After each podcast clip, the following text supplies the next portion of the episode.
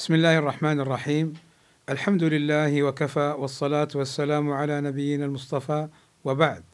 فالظلم كلمة ترجع إلى معنى الجور ومجاوزة الحد وأصل معناها يرجع إلى الظلمة وإلى وضع الشيء في غير موضعه. والظلم شرعا وضع الشيء في غير موضعه المختص به. وسبب الظلم يرجع إلى حاجة الظالم من الانتقام والأذية والتشفي أو جهله أو سفهه. والله عز وجل نزه نفسه عن الظلم بقوله سبحانه وتعالى إن الله لا يظلم مثقال ذرة. وفي الحديث القدسي يا عبادي إني حرمت الظلم على نفسي وجعلته بينكم محرما فلا تظالموا. وقال النبي صلى الله عليه وسلم لا يظلم الله من خلقه أحدا.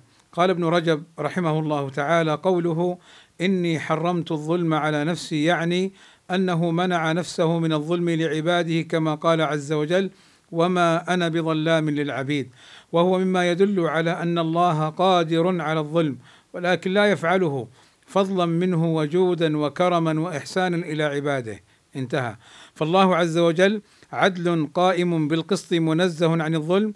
قال شيخ الإسلام ابن تيمية رحمه الله تعالى اتفق المسلمون وسائر أهل الملل على أن الله تعالى عدل قائم بالقسط لا يظلم شيئا بل هو منزه عن الظلم والظلم وضع الشيء في غير موضعه والعدل وضع كل شيء في موضعه وهو سبحانه حكم عدل يضع الأشياء مواضعها ولا يضع شيئا إلا في موضعه الذي يناسبه وتقتضيه الحكمة والعدل وليس في الوجود ظلم من الله سبحانه بل قد وضع كل شيء موضعه مع قدرته على أن يفعل خلاف ذلك فهو سبحانه يفعل باختياره ومشيئته ويستحق الحمد والثناء على أن يعدل ولا يظلم انتهى.